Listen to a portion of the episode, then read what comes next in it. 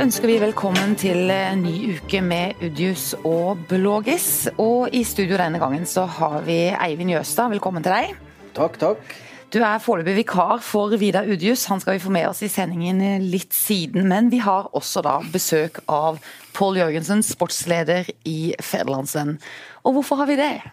Det er vel pga. at det var en fantastisk eh, onsdag kveld i eh, Torsdag kveld i Ja. eh, Kristiansand. Aquarama Vipers eh, Larvik.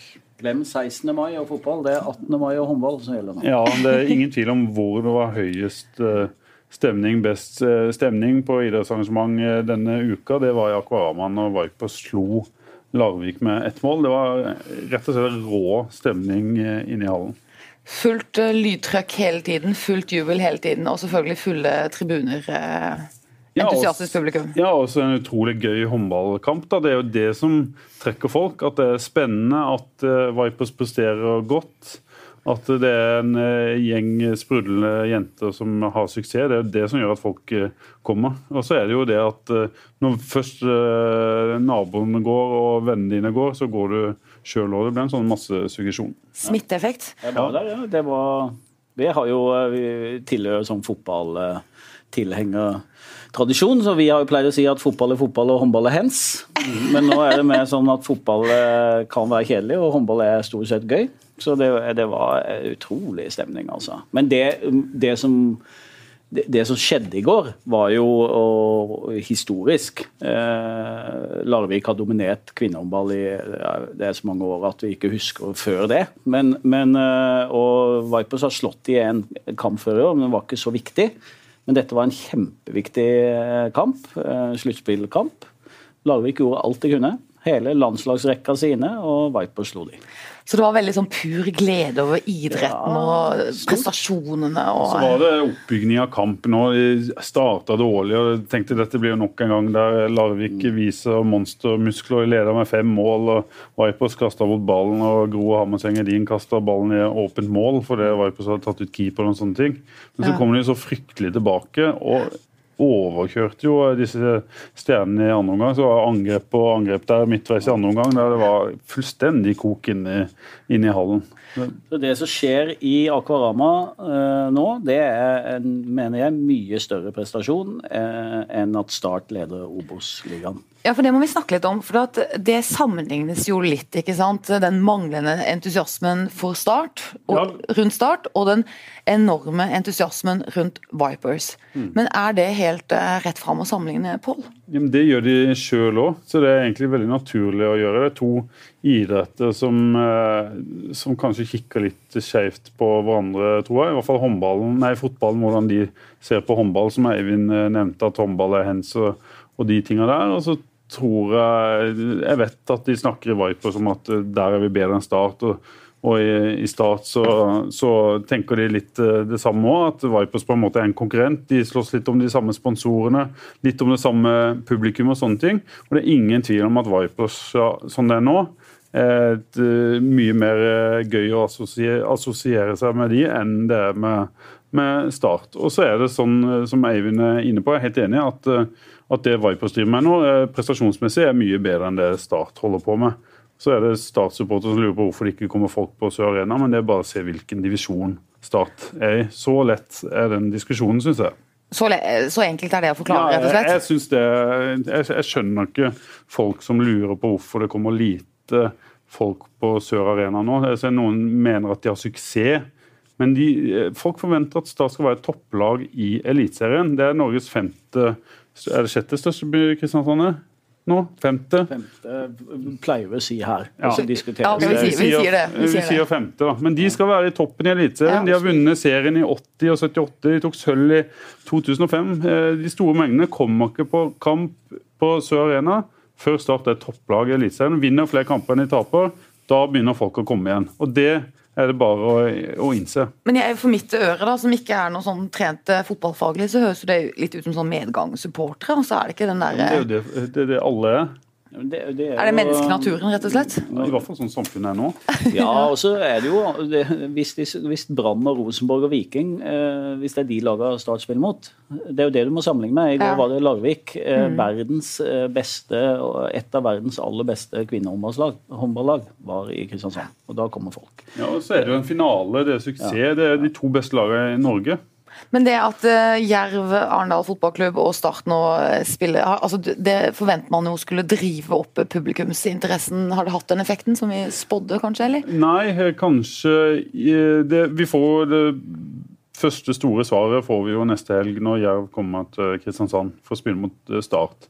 Men eh, det som er utrolig synd, og som legger en demper på den entusiasmen vi kanskje spådde ville komme, er jo at de tullingene borti Grimstad har rota det forferdelig til for seg sjøl. At de eh, har fått en eh, veldig dårlig sesongstart, og det er, det er synd. Det kan snu mot start. Ja, det kan snu mot start. eller håper de får en seier i helga, sånn at det blir ja. litt, litt, mer trøkk. Men for Jerv sin del så blir jo ikke de et topplag sånn som den sesongstarten de har hatt. Nei. Du, Hvilke andre store idrettsbegivenheter i nær framtid gleder vi oss til på Sørlandet nå, Pål? Nei, hva er det? Det er jo de lokaloppgjørene i første divisjon. Og så er det jo Vipers, og så er det svært sykkelløp eh, fra Kristiansand til Hovden eh, neste helg, som trekker masse folk, og som er stor interesse for hos eh, våre lesere. Mm. Ellers er det håndballskoler og fotballskoler det, det går i. Det er jo en kjedelig sommer, for det er verken fotball-EM eller ja, fotball-VM. Og så er det ikke OL. Og... Ikke OL. Nei. Får drive med litt sport selv, da. Ja, ja får prøve på det. Men Pål, da skal du få lov til å fratre plassen i podkaststudio, fordi du skal videre inn i helgen. Jeg skal på starttrening. Skal på starttrening. Ja, Du skulle jobbe rett og slett litt, du? Rett og slett. Ja. Eh, og da skal vi prøve å nå eh, vår egentlig veldig faste gjest. da. Han er jo med i Loen og alt. Vidar Udjus, politisk redaktør, som er på reise og på tur igjen. Vidar, er du med oss? Jeg er med dere. Hvor er du? Jeg er i Hamburg. Hva gjør du der? Jeg er på konferanse med andre medier for å diskutere bl.a. Eh, pressefrihet og mediers ansvar i regi av noe som heter IPI, International Press Institute. Er det lærerikt og gøy? Det er iallfall lærerikt og interessant. Eh, et av temaene vi nettopp har diskutert nå før lunsj, det er, eh, det er mange medier til stede her som har eh, jobba mye med dekka store terroraksjoner. Og så har etter hvert diskusjonen kommet opp i etterkant. Hvor grundig skal en dekke en terroraksjon? Kan en overdekke en terroraksjon? Etter NIS-terroren i Frankrike eksempel, så var det flere franske medier som konkluderte med at de ikke ville bruke bilder av terroristen fordi at stor PR er en del av målet med en terroraksjon. og De mente at de ville ikke bidra til å gi han den PR-en ved å publisere bildene i etterkant. Så Hvor stor enighet er det om det, eller hvor er det konsensus om det? At media og verdenspressen gir terror for mye PR?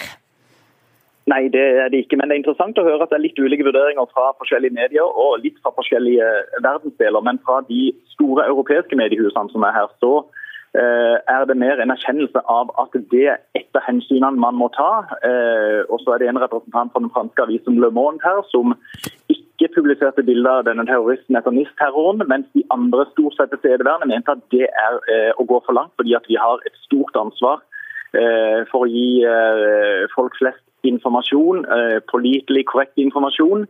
Eh, og at en del av den informasjonen det er også å beskrive gjerningsmannen eller gjerningsmennene. Eh, fortelle hvor de kommer fra, hvem er de.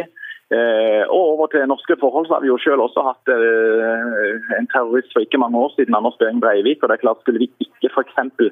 brukt bildet hans og, og, ikke fortalt hvem han var, hvor han kom fra, miljøene han ferdes i, så hadde jo det ført galt av sted, vil jeg tenke i alle fall. Du, jeg må spørre deg, eh, Siden du er sjef, da, Eivind. Eh, hva tenker du om den diskusjonen? Det var jo også en diskusjon etter terroren i Stockholm, og svensk presse var vel nokså moderate i sin dekning av det. Hva er, din, eh, hva er dine refleksjoner rundt dette, Eivind? Det er en viktig diskusjon. og Det er klart det, det blir med dagen som medievirkelighet, hvor alt er live, og TV-kanaler er live, og nettaviser er live, og sånn, så, så blir det veldig massivt når det står på. Eh, men sånn er på en måte medieverden blitt. Eh, og da eh, mener jeg at det er utrolig viktig at seriøse medier dekker dette grundig. Og da må man dekke det som skjer, men man må også prøve å forklare hvorfor det skjer. og man må skal ettergå myndighetene i forhold til beredskap og sikkerhet og etterretning. Og man må også prøve å forklare hvilke miljøer dette kommer fra. Uh, så jeg, jeg, føler det å liksom velge å ikke dekke det, det, det er for meg veldig fjernt. Ja. Og litt skummelt, for at vi som eh, folk flest har jo behov for å vite om utviklingen i verden og faren i verden, men det går jo an å gjøre mye feil der også. og eh, De deler jo oppskrifter på terror og at denne smitteeffekten det har. og sånn. Det er jo refleksjoner det er verdt å ta med seg. Hva tenker du, Vidar? Eh, jo, og Det har vært en viktig del av diskusjonen her. og Jeg, jeg tror ingen her var, var liksom for at vi ikke skulle dekke, men det var mer graden av dekningen. og Særlig dette med, med billedbruk. Eh, og Vi hadde vel egentlig også den diskusjonen i etterkanten av 22.07-terroren, hvor det var snakk om en del bilder som, som Behring Breivik selv hadde lagt ut, eh, og som media stort sett ikke trykka fordi at det var Eh, hva skal han si, mer sånne PR-bilder han selv, eh, hadde lagt ut. Men ellers er det jo helt riktige og veldig vanskelige avveininger i forhold til eh, når internasjonale terrororganisasjoner som IS eh, publiserer trusler. OK, en skal sannsynligvis publisere dem, men hvor store skal en gjøre de truslene? Bør en sjekke med andre kilder før en går bredt ut og forteller om en ny trussel som er kommet? Og når IS f.eks. oppfordrer sine sympatisører til å bruke lastebiler. Skal en gjøre stort nummer ut av det gjennom media og fortelle at det er nå en trussel, eller kan det også bidra til å sette flere på, på tankene? Det, jo, det høres jo effektivt ut, for hvis en på en måte ikke lar hele verden settes ut av spill av et terrorangrep, så vil en jo lamme litt terrorens eh, virkning. Da? Det der å ødelegge oss og få oss å stoppe opp og virkelig legge merke til det. Det er interessante tanker. Men Eivind, jeg må spørre deg, du hadde jo Litt apropos terror, da. Litt, eh, litt hopp. Men 17. Eh, mai har vi feira. Store menneskeansamlinger i gatene, på fellestorv, i alle sørlandsbyene og selvfølgelig alle norske byer og sånn. Og der hadde du lagt merke til en forskjell, eller der har jo ja, det er, jo, det er jo en direkte eh, link til det Vidar eh, sitter nede i Hamburg og diskuterer, eh, og det vi opplevde da i Norge på 17. mai i år. Pga. det som skjedde i Stockholm med denne lastebilen som kjørte, så, så, så, så på en måte jeg opplever at det, er liksom, det ene tar det andre, og så blir vi mer et samfunn som skal forholde oss til frykt, på en måte, som ikke jeg liker. da. Og Da ble det jo en diskusjon. Hva da med 17. mai, store folkemengder? Eh, og eh, i Oslo var det jo eh, politi, bevæpna politi i gatene og, og terrorberedskap eh, på et nivå vi ikke pleier å se. Og så var det interessant her nede i, på Sørlandet, hvor da mm, det lokale politiet valgte ulike varianter i Arendal og Grimstad, som i hvert fall jeg kjenner til, og i Kristiansand. Hvor eh, I Arendal og Grimstad så sperra de innfartsveiene sånn, med store kjøretøy, som gjør at det ikke det kunne komme inn noen biler i toget. da, Mens i Kristiansand valgte politiet her en helt annen linje, hvor de eh, opptrådte nær sagt som vanlig. Og det, her var det jo veldig åpent. Dette, eh, jeg, jeg, har lyst til å berømme Kristiansandspolitiet for det. Det syns jeg var et modig valg. Eh, og jeg syns det var et veldig bra valg. Men jeg har snakka med mange eh, foreldre som har vært opptatt av dette. Som ikke var enig i at åpenhet alltid er det beste? Ja, som, eh, som, eh, som, satte pris på den, de sperringene som var i, i ja. Grimstad og Arendal. Eh, men det, der, det, det, er jo det her som er så vanskelig. Å ikke eller, eller, jobbe for å ikke gå rundt og være redd. Mm. Men hvis det nå hadde smelt i Kristiansand, ja. så hadde jo politiet her fått litt å svare for. Men det kan du på en måte si hver eneste dag. Da. Ja. Og vi må ikke bli et sånt samfunn som skal sikre oss mot alt mulig. Det er fortsatt ekstremt liten sjanse for at du skal bli ramma av terror. Mm. Men siden Vidar nå er på reise i Tyskland, jeg har nettopp vært i England, og vi farter jo rundt og står altså utrolig mange timer i sikkerhetskontroll på flyplasser. Det er jo en kjempesjau å fly. Det er knallhardt. Dere har det tøft, jeg ser det. På vegne av oss som sitter her hjemme og Ja, særlig. Mm. Men Mener du at eh, vi er eh, for hysteriske også der? Burde vi ha liksom løsna på det igjen? For det tenker jeg jo er, virkelig har liksom preget våre liv, altså. Ja. Det var er vi for redde? For engstelige? Nei, altså du, du, jeg syns det er greit at ikke, at ikke det liksom er Hey, I'm Ryan Reynolds. At Mint Mobile, we like to do the opposite of what Big Wireless does. They charge you a lot, we charge you a little. So naturally, when they announced they'd be raising their prices due to inflation, we decided to deflate our prices due to not hating you. That's right. We're cutting the price of Mint Unlimited from $30 a month to just $15 a month. Give it a try at mintmobile.com slash switch. $45 upfront for three months plus taxes and fees. Promote for new customers for limited time. Unlimited more than 40 gigabytes per month. Slows. Full terms at mintmobile.com. Kjempelett å ta med seg uh, våpen inn på et fly. Men, men, samtidig så tenker jeg at hvis du virkelig vil uh, ta ned et fly, så klarer du på en måte det. Ja. Så vi kan aldri sikre oss helt, men uh, ja. Nei, det er en stor diskusjon. Uh, men vi, jeg tror alle tjener på ikke å være, leve i et samfunn som skal liksom være fryktbasert, og, og, at vi må sikre oss. Ja, Vi har jo ikke lyst på noen politistat heller. Men Vidar, siden du er i Tyskland. Eh, kan ikke du snakke litt om hvordan den politiske stemningen er akkurat der, hvis du har fått noen nye inntrykk eh, rundt det nå? Sosialdemokrati som faller, eh, det nye tyske håpet som ikke gikk helt som noen hadde håpet, osv.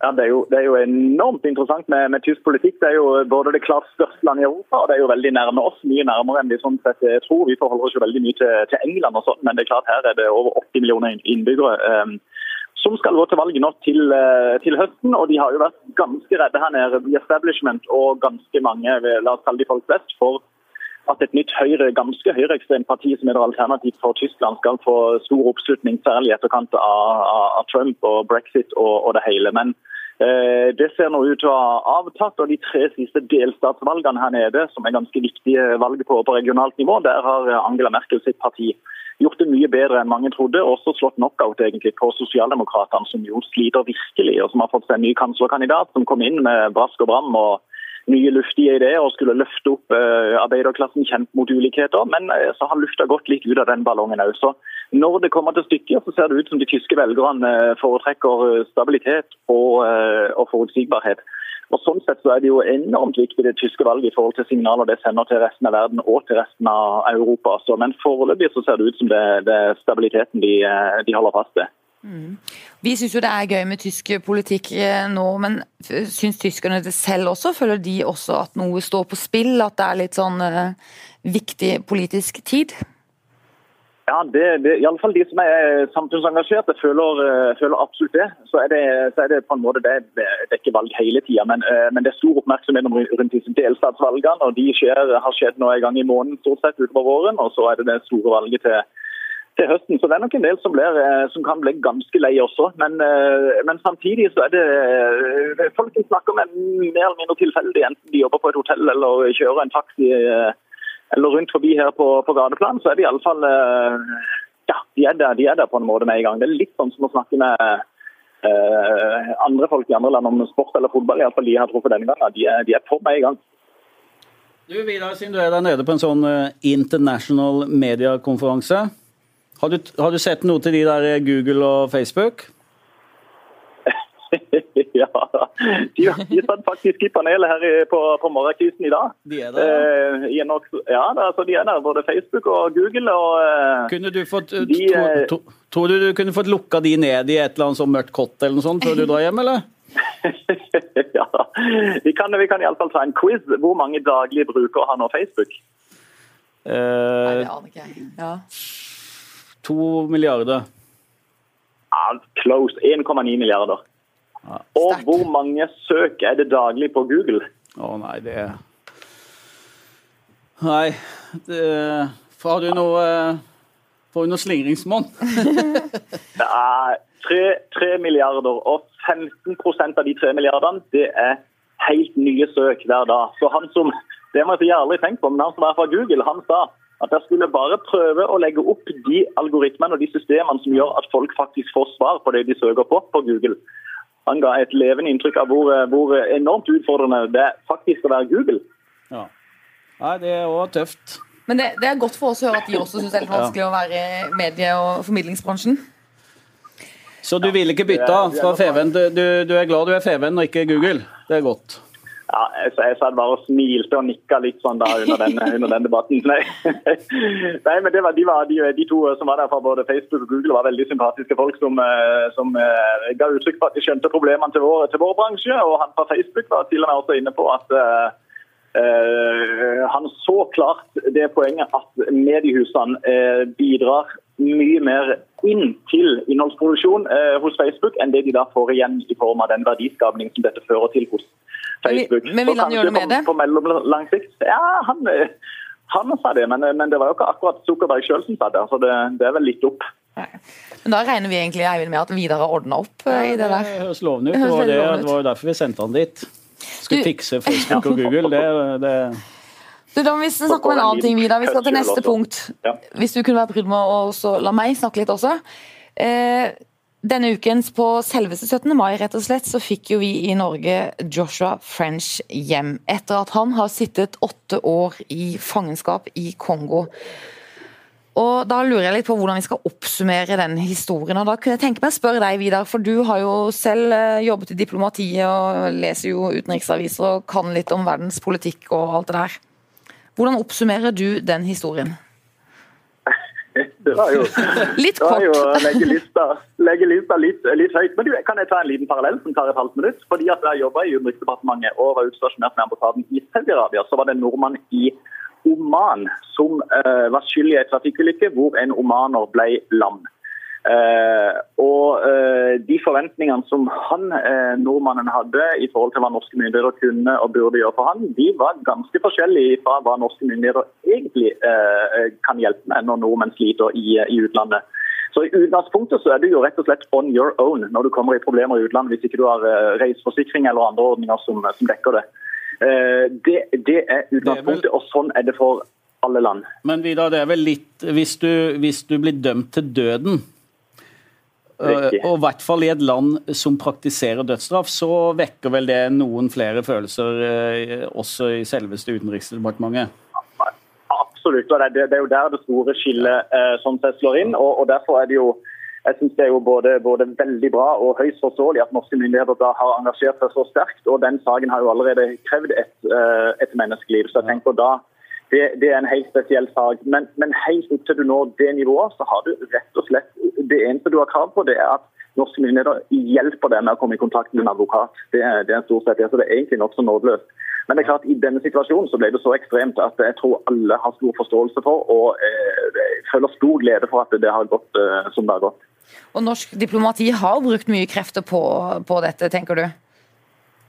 åpenbart helt enormt mye, og mye mer enn det vi har fått uh, nå, nå har jo Erna Solberg fått kritikk for at vi har brukt så mye ressurser på det. Så det har vært et enormt uh, arbeid. Ja. Men det er jo også fascinerende å lese om hvordan altså foreldrenes Der var jo uh, Kjostov Molands foreldre også veldig aktive, men nå de siste tida ja, Kari Hilde French, hvordan hun har, altså hun har bodd i Kongo i fire år og mm. skaffa seg et nettverk. og Det har gjort inntrykk, eh, eh, kan vi lese eh, stadig oftere om nå. Mm. Og har sannsynligvis bidratt til mm. at det ble en løsning. For da står den enkeltskjebnen også, også litt fram. Ja, og det er jo også et jeg synes jo Det er jo et, eh, si, et godt trekk oppi det hele at selv i et såpass uh, råbarka samfunn som det kongolesiske, så gjør det, så gjør det inntrykk når mora til en som er dødsdømt, kommer ned og bosetter seg der og er hos uh, sønnen sin i flere år. Ja. De som uh, er fortsatt interessert i selve sakene, for det er jo en helt utrolig sak. Det jobbes jo nå med å lage film om dette òg, men det er skrevet en veldig god bok om disse to norske guttenes Eh, reise i Afrika, hvis man skal kalle det det, eh, som Morten Strøksnes har skrevet. Som heter mm. et, et, mord i Kongo'. En veldig eh, fascinerende bok. Den gir ikke noe svar på hva som egentlig skjedde, men den gir ganske mye innsikt i I forløpet? Ja, i hva som skjedde, eller hvordan de levde der. da. Men heller det i noen retning av hva som har skjedd? Har det noen uh... Det er masse teorier som spilles ut i den boka, men det gir ja. ingen svar. Du sitter ikke igjen med noe svar, sånn Nei. som jeg nå er en stund siden jeg leste den, men jeg ble veldig fascinert av den.